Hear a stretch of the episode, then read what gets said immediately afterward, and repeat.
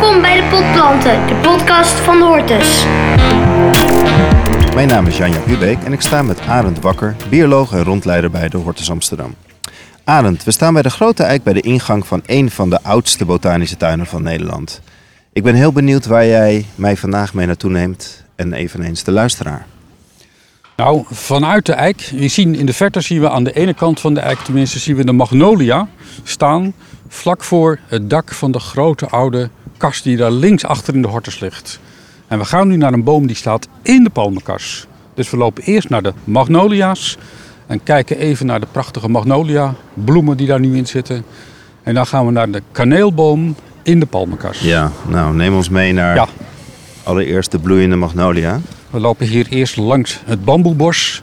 Eens kijken hoe hoog de bamboe is. Hij is wel vijf meter hoog, denk ik. Wauw. Is hij dan ook vijf meter diep met wortels? Vraag ik Nee, me hij, hij, hij is niet zo diep. Die wortels kunnen wel erg in lengte toenemen, maar ze groeien horizontaal. Ze zijn een beetje een vloek voor het tuinpersoneel. Die moet eens in de zoveel tijd eh, moet die diep gaan spitten om al die eh ruimtezoekende wortels weer eh, in hun plek te duwen. Of weg te snijden eigenlijk. Eh. En die wortels van die bamboe kunnen behoorlijk diep gaan. Ja, Dus dat is een eh, bijzonder intensief en onprettig werkje voor het tuinpersoneel. Dan zie je ze echt als met schuttersputjes en loopgraven in de tuin zie je ze die wortels eh, te lijf gaan. te lijf gaan. Ja. Ja. Nou, Arend, Nou. we lopen onder een schitterend bloeiende magnolia. Ja. Hier geniet ik altijd van als je die Ja. bloemen zo tegen de blauwe lucht afgetekend ziet. Ontzettend Dan, mooi.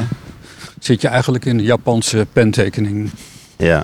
We Ah. lopen door de kassen. We lopen komen door dan de kassen. En een eh, klas het- het- met een, hele klas, een hele klas staat binnen. Met een blije moeder. Met een blije moeder. Die doen het winkelmandjesproject. Dat zijn allemaal lagere schoolklassen. Goedemiddag allemaal. Goeiedag. Vinden jullie het leuk in de hortus? Ja? Oké. Ja, ik ook. Oké. We staan hier onder de... Deze boom, hier rechts van de ingang, dat is een kaneelboom. Ja.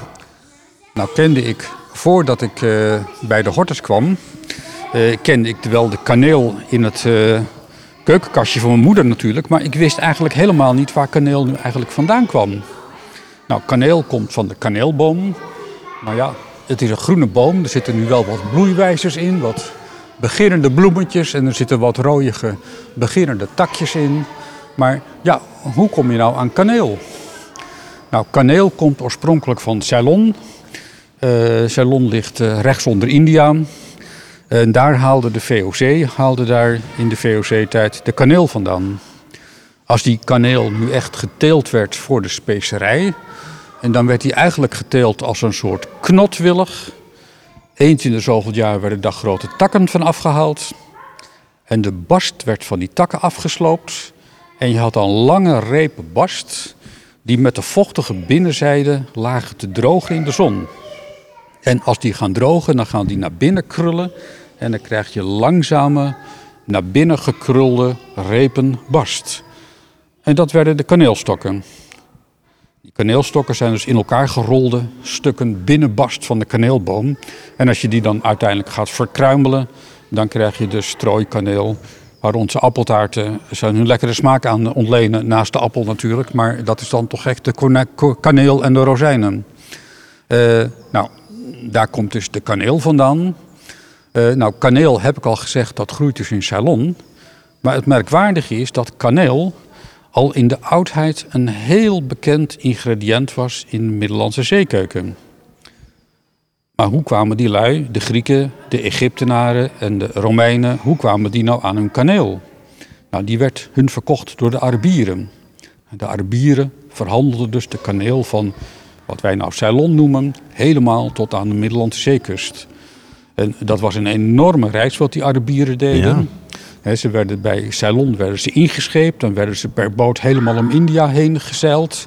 En dan gingen ze in het Arabisch Schiereiland ging de boel weer aan land. En dan per kamelen, eh, karavanen, ging het door de Arabische woestijnen. En dan kwam het bij de, wat nou de Israëlische kust, kwam het weer bij de Middellandse Zee. En dan ging het weer per boot naar Alexandrië of naar eh, Griekenland toe. Kaneel was dan ook wel een heel erg duur ingrediënt. Niet voor iedereen, maar voor alle rijke keukens kon je kaneel gebruiken. Maar hoe kwamen die Arabieren na hun kaneel?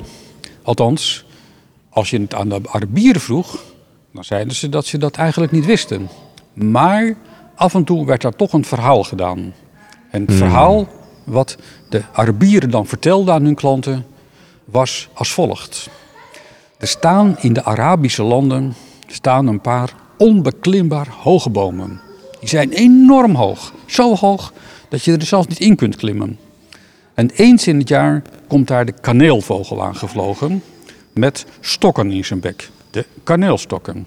En die kaneelvogel die gaat nestelen in die onbeklimbaar hoge bomen.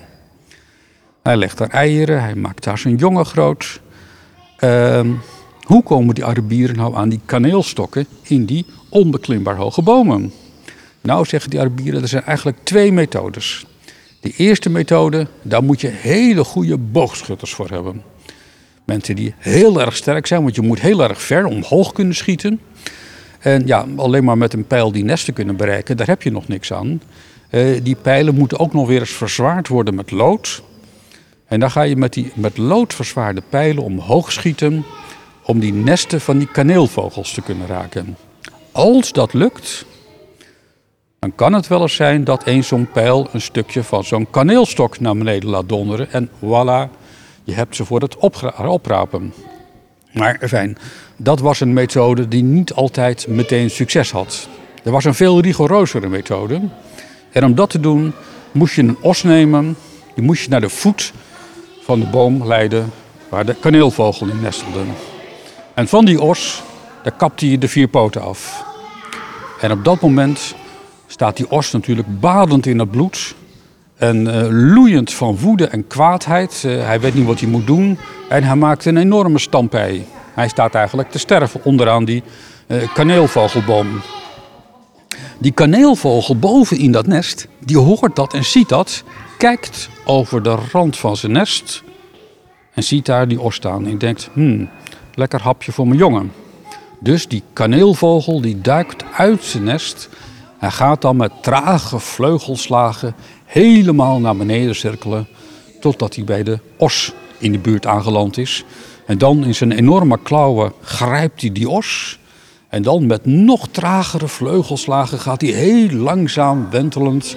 En die hele zware os, badend en loeiend in zijn klauwen, wordt door die vogel helemaal omhoog genomen belandt uiteindelijk met heel veel moeite toch in het nest van de kaneelvogel. En dan gebeurt er wat je verwacht. Die os is veel te zwaar voor dat hele nest. En nu dondert het hele nest naar beneden, inclusief alle kaneelstokken.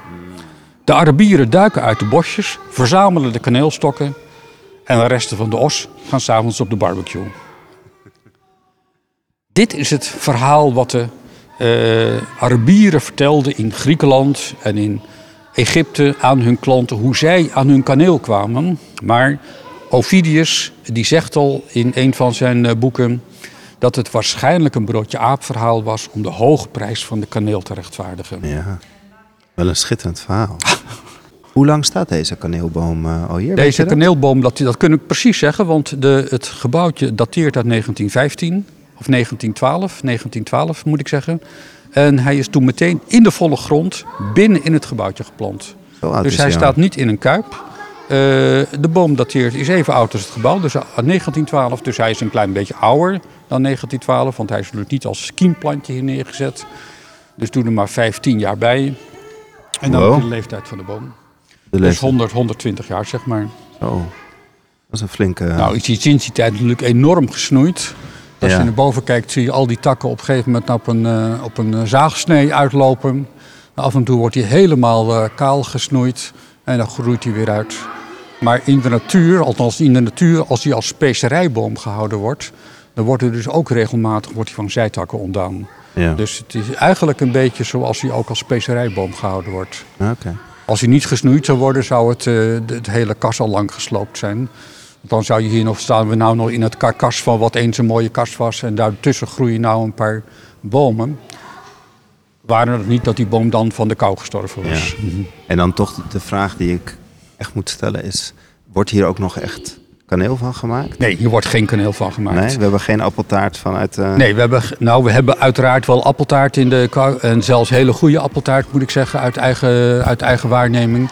Maar niet met kaneel van onze kaneelboom. Helaas. Oh, helaas. hey, dankjewel uh, Arend voor dit verhaal.